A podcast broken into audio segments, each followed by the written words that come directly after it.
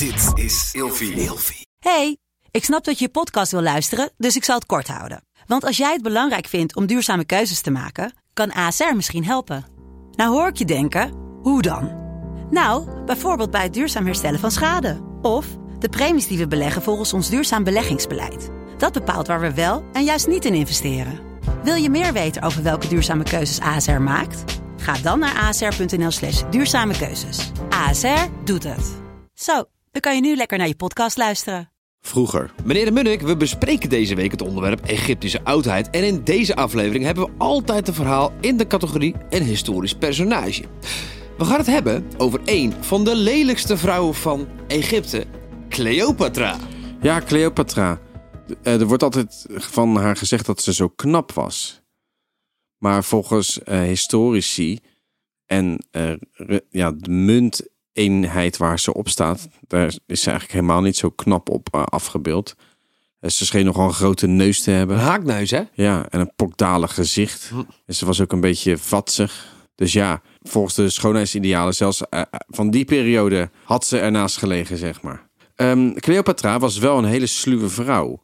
En die wist uitstekend politiek te bedrijven. Het is in het oude Egypte heel gebruikelijk om met je broer te trouwen om samen de troon te bestijgen. Dit is niet waar. Ja, dat is ah, echt waar, dat is hartstikke waar. Maar dat is toch... Dus ze is, Incest? ze is zelfs meerdere malen met haar broers, zowel oudere als jongere broertjes, getrouwd om dus het koningshuis eh, te, be- te bewaren, Te bestijgen, te letterlijk. bestijgen. Nou ja, ze, ze hebben een verstandshuwelijk, dus ze gaan hopelijk Oh. niet met elkaar naar bed. Maar dus het is geen incest. het is geen incest. Ah. Misschien denken ze er een beetje aan. Maar ehm, Cleopatra had al heel snel door dat er andere machthebbers op de loer lagen, waar ze zich beter aan kon verbinden. En toen kwam ze bij een van de allergrootste krijgsheren in de geschiedenis terecht, Julius Caesar. En met Julius Caesar kreeg ze zelfs een kind, Caesarion.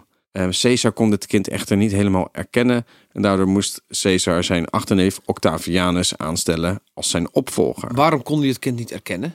omdat, ja, dat is een hele goede vraag. Maar als het goed is, was Egypte nog, was nog een soort provincie van het Romeinse Rijk. Dus het, hij, Cleopatra was geen vol burger. Hmm.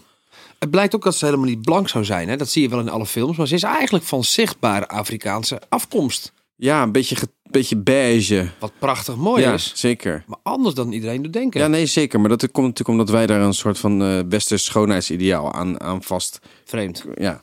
Ehm, wa- wat er eigenlijk eh, gebeurt is dat dus ehm, Caesar wordt gedood. Hè? En het schijnt zelfs dat Cleopatra en zijn zoon in Rome aanwezig waren toen Julius Caesar werd gedood.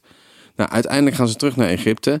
Dan komt Marcus Antonius. En Cleopatra weet wederom ook weer deze Romein te verleiden. Het schijnt dat zij zich in een tapijt wikkelde. En dat ze dat tapijt liet uitrollen. En dat ze zo verscheen aan zijn voeten. Wauw, hij, hij heeft wel zelfmoord gepleegd om haar, hè? Ehm, En toen deed ze het zelf. ja, zeker. Zoiets. Zeker. Ja, ze, ze moesten. Kijk, en ze waanden zichzelf in Egypte als een stel koningen.